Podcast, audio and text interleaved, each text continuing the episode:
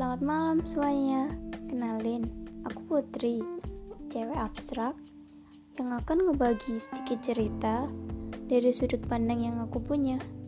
Jadi tuh, di episode kali ini aku mau kenalan dulu sama kalian. Boleh kan?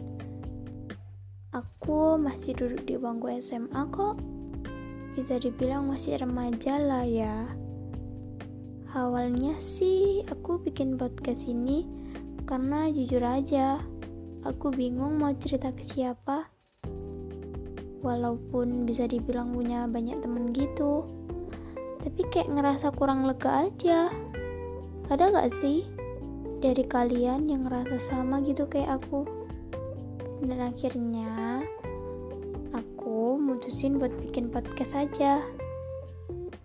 Walaupun belum ahli-ahli banget gitu buat ngomong yang kayak orang-orang lain.